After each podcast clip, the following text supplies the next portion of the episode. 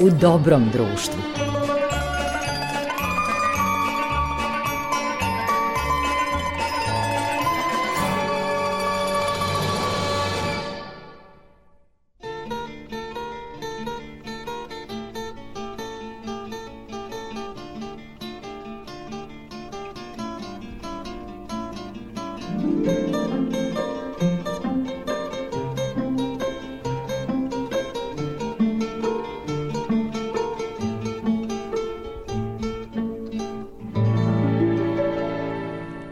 Poštovani slušalci, dobroveče, dobrodošli u emisiju U dobrom društvu. Ovu emisiju tonski uobličao Marica Jung, a vaš domaćin je urednik emisije Goran Vukčević i ovoga puta imamo zanimljivo društvo, dragu gospođu Mirjanu Milovanović, koja je svoj radni vek provela u Domu zdravlja u Nišu kao specijalista ginekologije. Zašto je naš gost doktorka Mirjana Milovanović? Ona je rođaka i svedok jednog dela života, velikana naše istorije, doktora Miloša Đorića. Miloš Đorić ostao je u senci, ne nalazi se u učbenicima, a svoju karijeru završio je kao specijalista za kožne i venerične bolesti na vojnoj klinici u Nišu. Živeo je jedno vreme u Beogradu, a zajedno sa srpskom vojskom i srpskim narodom prelazio je i Albaniju u zimu 915. Vodio je dnevnik tokom prelaska Albanije, a takođe i tokom boravka srpske vlade i vojske na Krfu tokom priprema za Solunski front. Njegova svedočanstva poslužila su kao građa za čuveno delo Dobrice Ćosića Vreme smrti. Ime doktora Miloša Đorića ostalo je na neki način prećutano u srpskoj istoriji, verovatno zbog toga što nije bio po volji vlastima kako onim predratnim, tako i onim posle ratnim. Završio je svoj život tiho u Nišu, ali ovoga puta sećamo se doktora Miloša Đorića kroz priču njegove rođake, doktorke Mirjane Milovanović.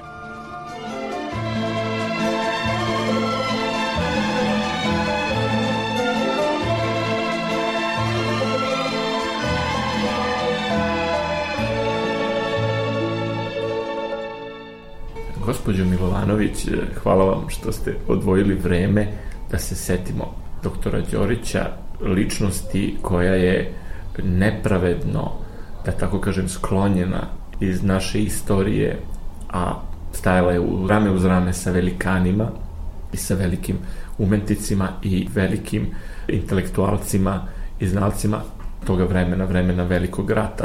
Znamo kako to posle biva, pobednici napišu istoriju, pa onda izbace onoga koga žele da uklone, ali evo, zahvaljujući vama čuva se uspomena i čuvaju se rukopisi profesora Miloša Ćorića. Kakva su vaša e, sećanja na njega?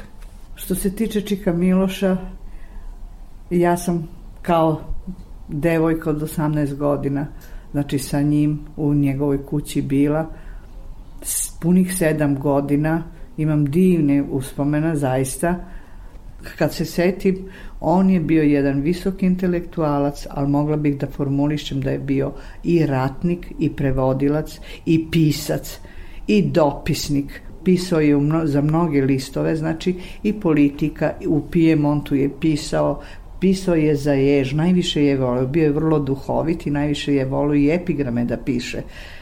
Jedan čuveni epigram za kojim je su komunisti jako tragali da otkriju ko je to napisao, nikad nisu uspeli da otkriju, nisu ga izdali jednostavno. Ja mislim da je za jež pisao, ali ja tražeći sada po ovim dokumentima, odnosno rukopisima, nisam mogla izgleda da ga je uništio svoje vremeno, a to je epigram jedan konj se samo trka, ko je brži od zelenka, umače mu samo senka. Da, ali to je to poznat se, epigram. Poznat, ali to se odnosilo na Jozu Broza. Naravno. I da, i onda to je bila tako, zna, potraga ko je, ko je, ko je. Drugo, sećam se doktora Đorića kao jednog čoveka koji je, kažem, bio jedan vrlo duhovit i gde se vrlo često su dolazili književnici, pisci, novinari kod njega. Naravno, to su bili razgovori uglavnom o Prvom svetskom ratu, jer on je bio učesnik Prvog svetskog rata. Bio je riznica sećanja. Jeste, riznica sećanja i njegovi rukopisi i pegavaci Tako, ali mislim najupečatljiviji mi je sećanje dolazi Dobrice Ćosića. Da. Dobrica Ćosić je dolazio više puta u našu kuću, tako da je on sedeo i satima razgovarao sa Čika Milošem i znamo da je u stvari građu za vreme smrti, uglavnom je doktor Đorić njemu dao, tako da mislim Dobrica isto bio jedan vrlo simpatičan intelektualac. Sećam se zadnji put kad je dolazio 71. godine je to bilo. Interesantno je da se i Dobrica plašio komunista u ono vreme. Plašio ih se jer kad je naručio, radno naruči mi taksi, rekao je gospođi Đorić, da krenem, onda je prišao prozoru i diskretno je povuko zavesu da pogleda da li je taksi stigao i onda je majče pitala Dobrice pa je se vi bojite? Da, kaže Rado, ja ih se strašno bojim. Pa vi ste putovali sa Jozom Brozom Galebom? Jesam, kaže, nisam znao šta sam onda radio i kad sam uvideo šta se radi, onda mi je sve bilo jasno. Eto, to je živa istina, ja se toga vrlo dobro sećam. Verovatno se Dobrica Ćosić i bojao da mnogo pominje Đorića da, i svoje poznanstvo da, sa njim. Da, kako da ne, kako da ne jer komunisti su 46. godine po kazni doktora Đorića iz Beograda prebacili u Niš. To je njemu vrlo teško palo. On nije hteo uopšte, on je hteo da zaboravi taj period, ali nažalost on je i umro u Nišu. I sećam se i toga kada je rekao ja bi želeo mrtav da ležim u Beogradu, pošto nisam mogao da živim u Beogradu, bar da ležim mrtav a z, mislim zna se da je on pre rata bio gradonačelnik Zemuna, da je podigao spomenik Lamartinu u Zemunu, da je sa kraljem Aleksandrom igrao karte na dvoru, to sve njima nije pasalo, znate, mislim i u ostalom može se reći da nisu cenili pamet što bi rekli. Da. Intelektualca nisu voleli. Da, osim poneki intelektualac da, da, koji, koji je, znamo već kako, da, koji može da im se prestroji, što bi rekli. Tako da velika je nepravda učinjena doktoru Đoriću ipak na kraju mi se ispunila želja da bude sahranjen na novom groblju u da, Beogradu. Da, da, on je sahranjen u grobnici jer njegova prva supruga Ona je bila isto lekar, mikrobiolog, ona je 42. godine umrla od tumora na mozgu. Parcela 60, znači tu je sahranjena doktorka Bosa u grobnici. I tu je i Čika Miloš sahranjen. Na Niš se ipak morao privići, tamo je vodio kožnu kliniku, ali on, Jest. on je mnoge pacijente uspešno lečio i od pegavca, pa čak i od Pegavac za vreme, da, da, da. E, leprozno je posle rata i to se priša ne kao anegdota, nego mislim zaista je to bilo fascinantno. Noć čeka se voz iz Bosne, oni su iz Bosne, ovi gubavci bili, Da, kako su se oni zarazili? Preko nekog starog novca? Tako, da, arheolozi. da, jeste. Novčiće koje su iskopavali iz zemlje, tako su se zarazili Cela kompozicija voza je išla prazna, samo dvojica gubavca u kompoziciji i samo se, kaže, čuju koraci na peronu Niške stanice gde doktor Đorić čeka pacijente obolele od pegavca i lečio ih je na svojoj klinici i izlečio ih je. A kasnije u Nišu on je bio u klinici Tjelekula, to je Ne, to je bio za vreme za vreme rata, prvog svetskog rata, jeste, da, da. Posle... Tu je bio u stvari velika mnogo pacijenata od Pegavca i ovo tu je bila bolnica. Jeste, u posle drugog svetskog rata kad je prebačen nije mogao da radi u toj vojnoj ne, bolnici. Ne, on je ra da. da, radio je ovamo u kliničkom centru ono što ste vi rekli, uvek imao je taj strah, verovatno je doživao velike neprijatnosti pored tog pritiska da, da napusti Beograd. On je imao strahove što se tiče komunista. Oni su bez pardona njemu samo dali nalog da iz Beograda prelazi za Niš. Sad samo da pojasnimo e, rodbinske odnose. Dakle, on je u, u Nišu imao, to je bila njegova druga supruga, je li tako? Da, on se kasnije, da, 42. godine je njegova prva supruga umrla. Umrla, da. E, 48. se on upoznao sa svojom drugom suprugom i onda se oženio sa njom. Vi ste nju zvali Majče. Da, ja sam nju zvala Majče, njega sam zvala Čika Miloša.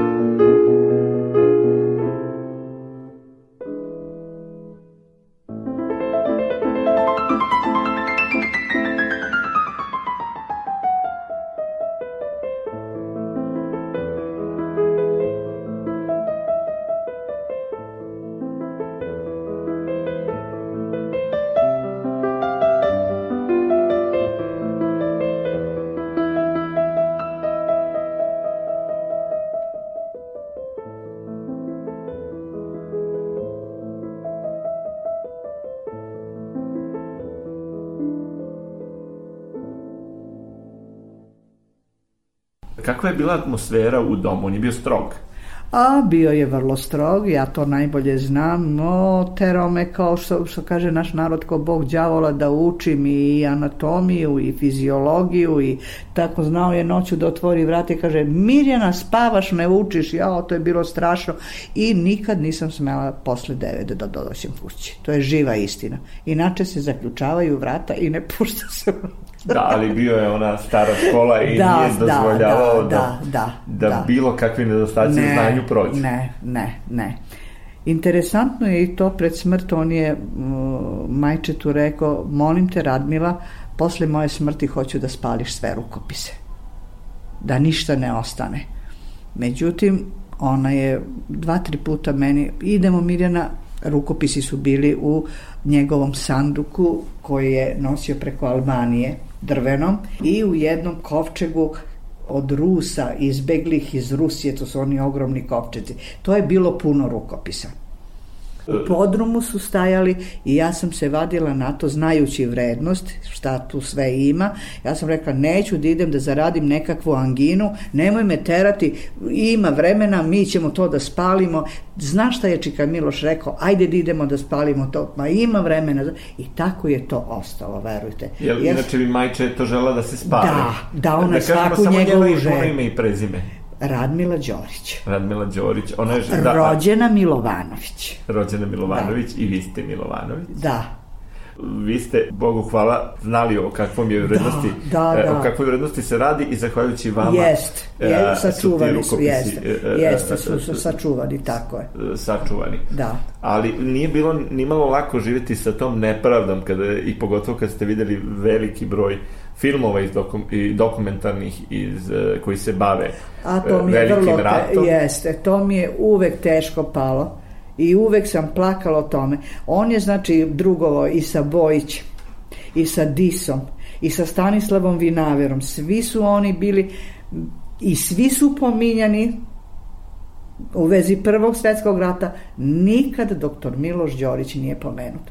Što je zaista jedna velika nepravda, ali ja nemam objašnjenja i ne znam zašto je to tako. Čak i sačuvao posmrtni plakat Stanislava Vinavera. Jeste, jeste. Osmrtni su Stanislava Vinavera. Pa Vinaver mu je umro na rukama, u Niškoj banji je Vinaver umro. I to nije dovoljno poznato. Da, to nije dovoljno poznato. Onda Nestor Žučni mu je umro na, na rukama. Da, Proka da kažemo Jokić. nešto o Nestoru Žučnom, to je u stvari umetničko ime Proke, Jovkića. Proke Jokića, Jeste. pesnika. Da. A bio je specifičan pesnik. I jeste i mnogo ga je, mnogo ga je uh, Čika Miloš voleo. Proku Jovkića je mnogo voleo i kaže da je drugovao sa njim. To je Proka Jovkić, pesnik žuljevitih ruku i nemirne slovenske duše. To je ono što je zapisao Jeste, Miloš jeste. Đorić. A drugo, sad da kažem, ne znam da li se to zna, da je najlepšu, najbolju studiju o Lazi Lazareviću napisao doktor Miloš Đorić. Kako danas doći uopšte do, do nekog teksta Miloša Đorića? Postoji u bibliotekama sačuvano. U bibliotekama, ne znam, to je počelo da se, što bi rekli, klupko od Moktava, kada je gospođica Dragana Bedov dobila magistarsku tezu doktor Miloš Đorić. Jeste, I Dragana nas je ispoila. Da, da, i tako je to krenulo, inače to bi i dalje bilo status quo. Jeste. To bi i dalje bilo status quo. Na čudan način je i ona došla do mene. Znate, to je sve bilo kao deus ex machina se rešavalo. Kako se to dogodilo?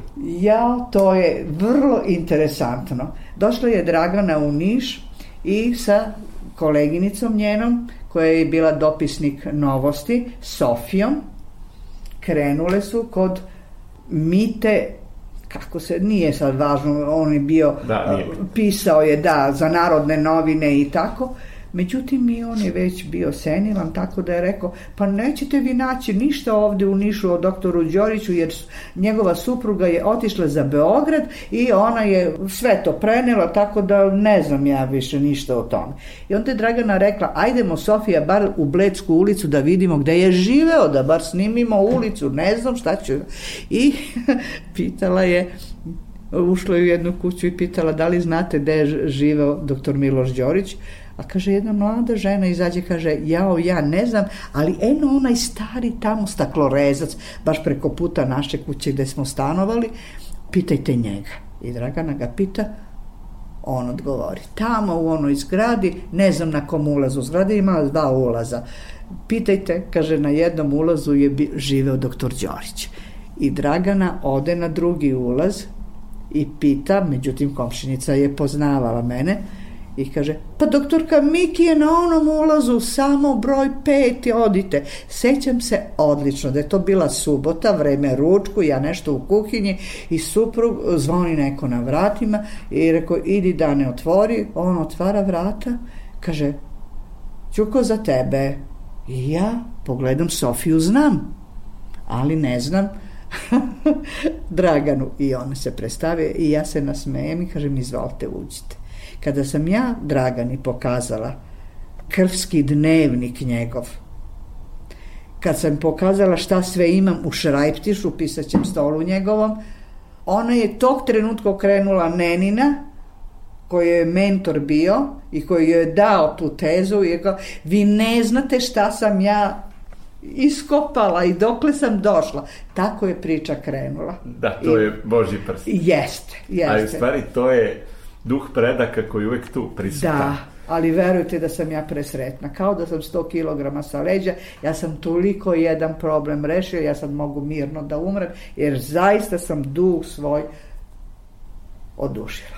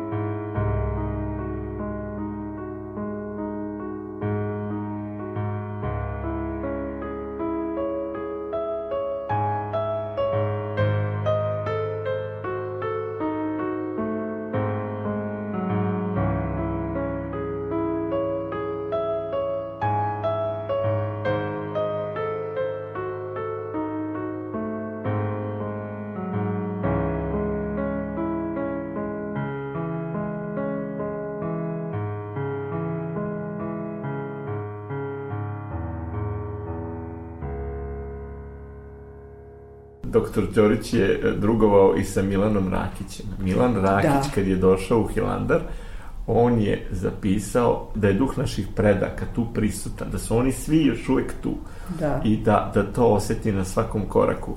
E, eto tako mi se čini da je Đorić sve vreme čekao trenutak da ponovo izađe, da tako kažem, I pred, imam ja pred fotografiju, narod. sliku Milana Rakića sa posetom doktoru Đoriću 38. godine. I sada sam te, ja el da kažem šta mislim. Naravno. Ja sam mnogo srećna i zahvaljujem se gospođici Bedov i Ivanu Obradoviću koji su to tako kao domaći zadatak uzeli da se u biblioteci napravi kako bih rekla, legat doktoru Milošu Đoriću. I sve što sam imala materijala i ovo, ja sam od srca biblioteci narodno je ostavila tako da verujte da Srećem da se dogodio, dogodio taj spoj da, ste se, da su se sreli ljudi ali neverovatno koji je, to. je trebalo jest. da se sretnu da se sačuva tako je, da se tako sačuva je, delo i uspomena na, na tako takvu je. jednu veliku ličnost jest. on je malo u kući govorio svojih sećanja provojio je dakle prešao Albaniju, e, bio je na krfu sa srpskom Jeste. vojskom u tim najtragičnijim danima. Jest. Da li je imao običaj da priča ne, o tim danima. Ne, uvek ga je to potreslo i uvek bi plakao i izbegavao je o tome da priča. Inače, u Krvskom dnevniku ima fotografije, znate, iz Dragomanaca, pa iz bolnice i ovo, to su to izbledele, Dragana je uspela nekako te fotografije da izvuče i neka, ja mislim da su sve to sada u biblioteci da, da se, ma, da, da se i, da, i, i, da, izvuče da, kontrast maksimalno. Da, pa on je napisao Pegavac, To niko nije mogao da štampa. Pegavac je njegov. A to je jedno neprocenjivo iskustvo. Apsolutno, apsolutno. Prvo što je bio lekar, znači stručnjak za to, drugo što je, mislim, bio književnik, zaista. Moglo bi se sažeti da se kaže da je bio ratnik, da je bio pisac, da je bio lekar, da je bio prevodilac. Da. Sve je to bio doktor Miloš Đorić. Nažalost. Prva edicija enciklopedije bilo je posle rata, vrlo kratko o njemu, prvo Nikola Đorić, njegov otac i ispod toga doktor Miloš Đorić.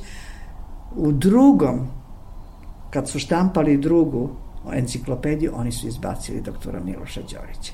Što je zaista tužno strašno, tragično. Strašno, a, za neverovati. A prošao je ogromnu patnju kao i mnogi, naravno, koji su prešli Albaniju, koji su bili na krfu. Kako? I zanimljiv je taj detalj da je tražio uvek mrvice od hleba da se... Jeste, jeste. Da, Mirjana, uvek posle ručka normalno padnu mrvice, što je normalno, ne možete vi da...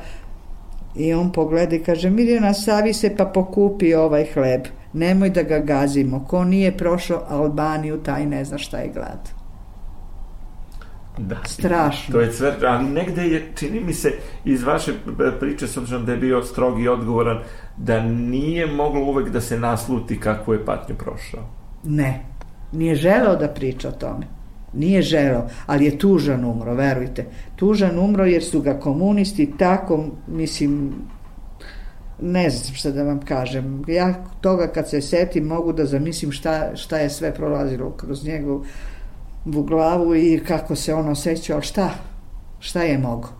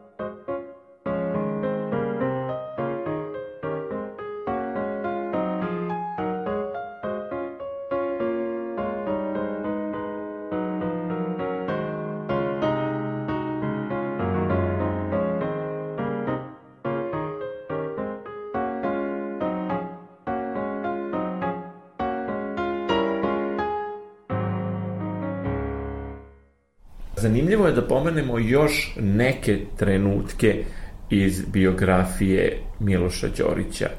On je naravno bio jedna moralna vertikala, on e, kada je bio drugi svetski rat nije prihvatio e, da potpiše proglas srpskom narodu i zbog toga je bio i na banjici. Da. Malo nam ispričite to. Da.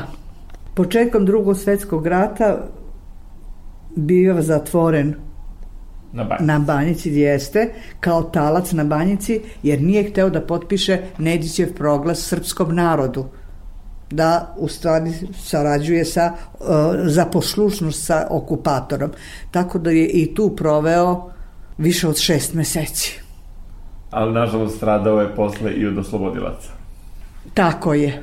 46. godine su ga komunisti iz Beograda prebacili za Niš, gde je proveo ostatak života, sve do kraja života bio je u Nišu i tužan je zbog toga i umro. Da, to me nije moglo da se odupre, ali eto recimo zanimljivo je da vi niste znali da je on pripadao masonima, između ostalog, jer mnogi naši intelektualci su bili masoni, mnogi intelektualci toga vremena, Mihajla Pupina, Jeste. e, Ive Andrića i tako Da, dalje. i kralj Aleksandar je Kralj bio. Aleksandar, naravno, prosto je tada to u velikoj meri bilo, pa kasnije u priličnom zastoju, dok nije 90-ih probuđene su masonske lože Nenezić Jugoslavije. je kad je izdao knjigu, onda smo mi videli, ja i Majče smo onda videli da je on bio mason Zemunske lože. Da, nikad o tome nije O tome mama nikad govorio. ne, ne, ne, ne, čak ni ona nije znala. Mi smo onda videli, samo mi je posle toga rekla, ja sam se, kaže, uvek čudila.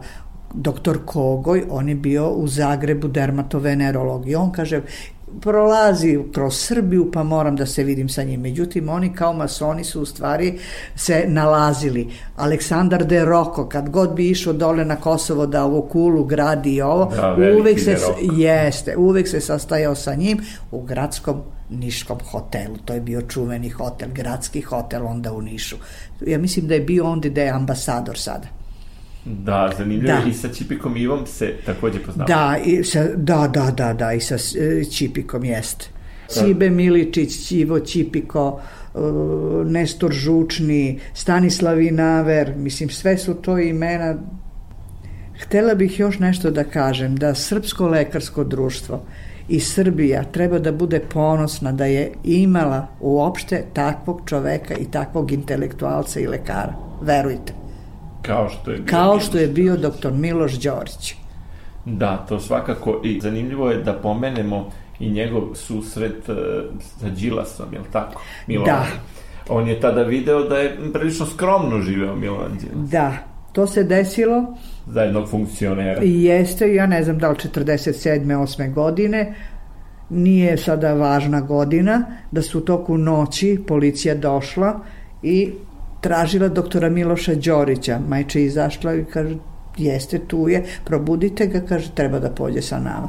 I normalno, ona ga probudi, oni ga odvedu i kaže, do jutra ga nema. Ja sam bila u panici, ne znam šta se dešava, da li su ga uhapsili, zbog čega, uopšte predstavu, niko ništa ne govori. Međutim, ujutru, kaže, oko 6 sati, on se vraća, gde si čoveče bio? Ma nemoj, smiri se, kaže, reći ću ti.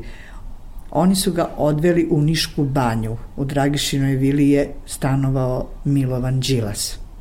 I tek rođeni sin, znači koji je imao dva ili tri meseca, neka ospa po telu malenog je bila, ali to je bio pemfigus neonatorum, uzročnik je jedna ova, ova bakterija koji se lečio, ali oni normalno, roditelji su se uplašili i doveli doktora Đorića da pregledam sina. Kad se vratio, on je rekao, ženo, ja sam iznenađen da Milovan Đilas živi u sobi sa dva kreveta, jednim stolom i jedna peć, kaže, koja, koja gori da im nije hladno. Ja sam očekivao, kaže, da živi u luksuzu i u raskošu, međutim ne.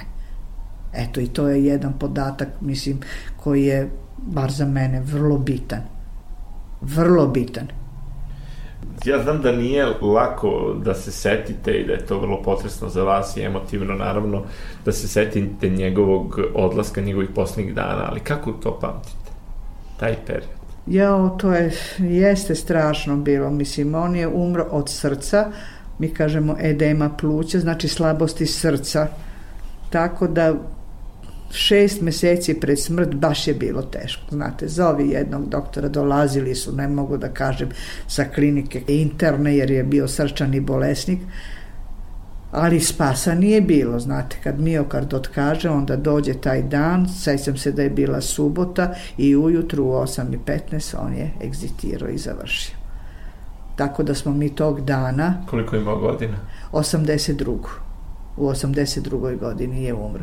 I to je te subote smo e, jedno smo uspeli sve te papire da se, da se izvuku da bi se transportovao lež do, do Beograda. Morao je, znači, limeni sanduk i ovaj sanduk i to je, mislim, zaista Bilo a, jeste i u ponedeljak je onda sahranjen. Da. I posle toga prošlo je, ja ne znam da li 10-15 dana, dobija majče izjavu saučešća Dobrice Ćosića koje je tako divno napisano da ja nemam reči da vam kažem, ali zaista i sada kad pročita čovek tužno.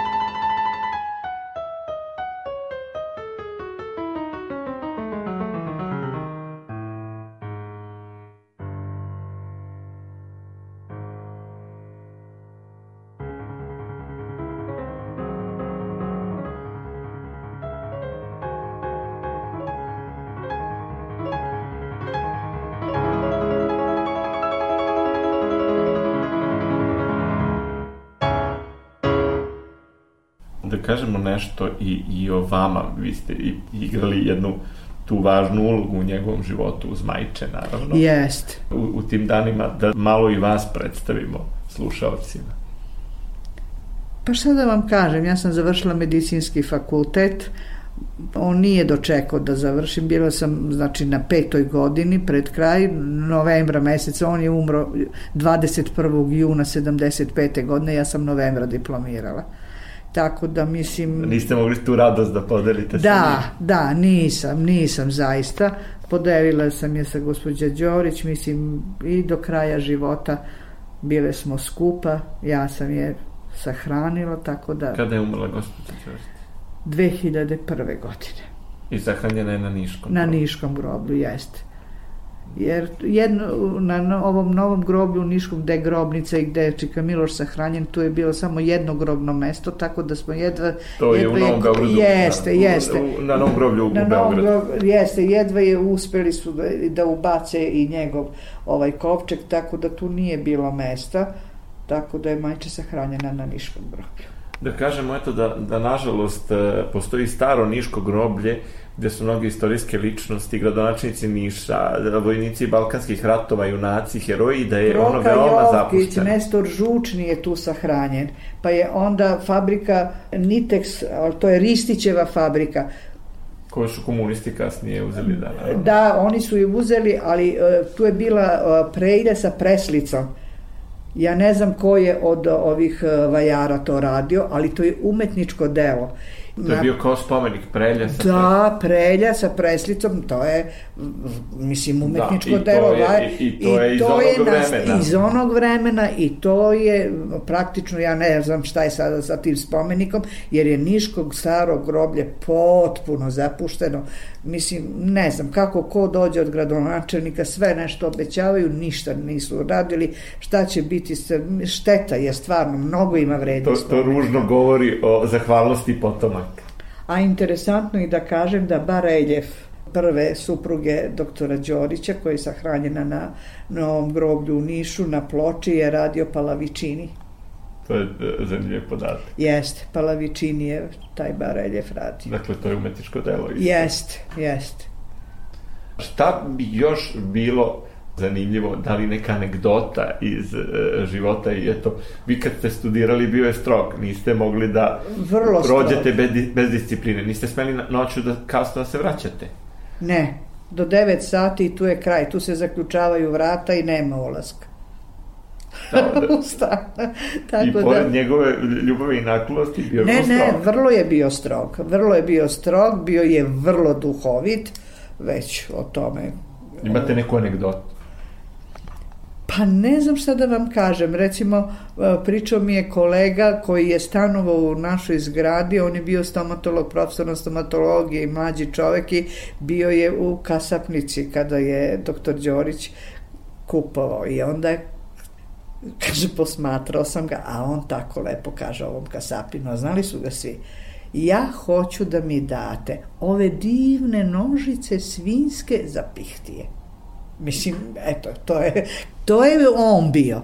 Da. Ili kad, kad, ajde da sada kažem, kad majče napravi naše čuvene salarice, a on meni kaže, Mirjana, knjižice su tako fine, samo treba da se zine. A čim ti se usta sklope, knjižice se same tope. A one se stvarno razlistaju i deluju kao knjižice dovoljno to govori o njegovom duhu da. i daru. Jest. Da od svega napravi Jest. stih.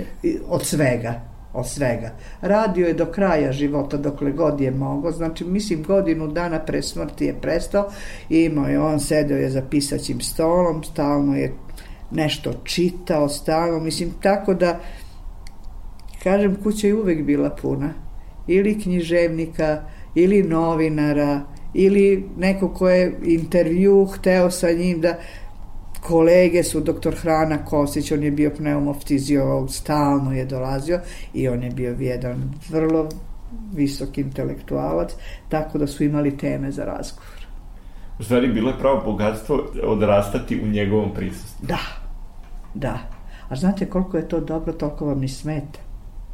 Sad ću vam reći. To nije Jer lako, okru... pored Gorosta. Nije, sad. nije lako, ali nije lako ni kad vas okolina posmatra drugačije. Ja sam to iskusila. To je bio taj znate. krst. I ja sam to iskusila. Uvek su se interesovali šta radim, kako radim, zašto radim kao da, mislim, neko interesovanje i... Da ste bili ideološki sumnjivi zbog Da, da, a ja sam bila uvek svoja. Da vam kažem, ja ne patim od lažne skromnosti. Ono što vredi, vredi. Smatrala sam da, da, da ima mnogo vrednosti kod mene samim tim što sam što je čast biti u kući doktora Đorića, zaista. To je kao da ste u biblioteci jednoj živoj. Apsolutno, apsolutno, prema tome ja nisam dozvoljavala, mislim, kolegama ili mom okruženju da ja sam držala do sebe, pravo da vam kažem uvek.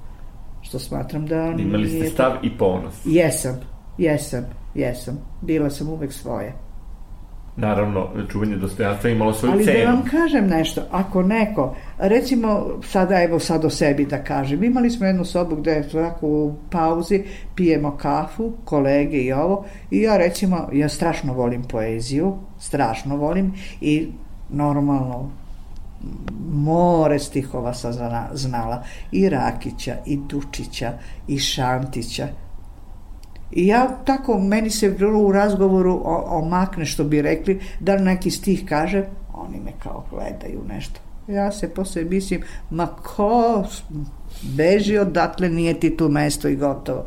Da, da, da, da. drugi koncept. Pa recimo ona Šantićeva jedna suza.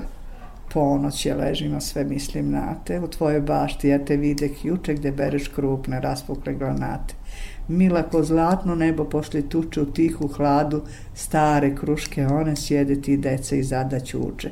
Nad šedrvanom leptiri se gone i sa bezbroj rubina rasipaju se dok polako tone jesenje sunce. I ko sa visina olovni oblak po duši mi pade. Što moja nisi i što smira i dana ne nosi meni zvijezde no jade. Što moje bašte ostaše bez grana i slatka ploda što rađa iz rije na vatri srca. Gde su Jorgovana vijenci plavi? Gde je kletva, gdje je? Vaj, vetar huja, ja mislim na te i sve te gledam kroz suzu što lije, gde bereš krug na raspokli granate. Hvala mnogo na ovim stihovima. I to je divno za kraj i ko je jednom govorio stihove zna koliko je to lepota i koliko je to zadovoljstvo. Apsolutno je veliko zadovoljstvo. Ja i dan danas uh, Srce moje samo hrano ko te pozve u moj dom. Neumorno pleti sanko što pleti, evo pleteš tanko među javom i među snom. To je vaš Laza Kostić. Da, naš Laza Kostić. Da, Hvala vam mnogo da. što za kraj, evo, s obzirom da smo mnogo na prvom programu radija, radio televizije Jest. Vojvodine, emisije u dobrom društvu, zaista mi je bila čast i hvala zadovoljstvo. Vama veliko. I hvala vam, gospođo Milovanović, što čuvate uspomenu i što pomažete da javnost sazna za jednu nepravedno zapostavljenu hvala ličnost. Vama, velikana istorije. Hvala Hvala najviše ženom, dobro zdravlje. Tako I, ovaj, I nadam se da ćemo se uskoro ponovo sresti Sa nekim lepim povodom, povodom da će nas okupiti je. seni doktora Miloša Đorđa. I ja se nadam. Svako dobro vam želim i hvala najlepše.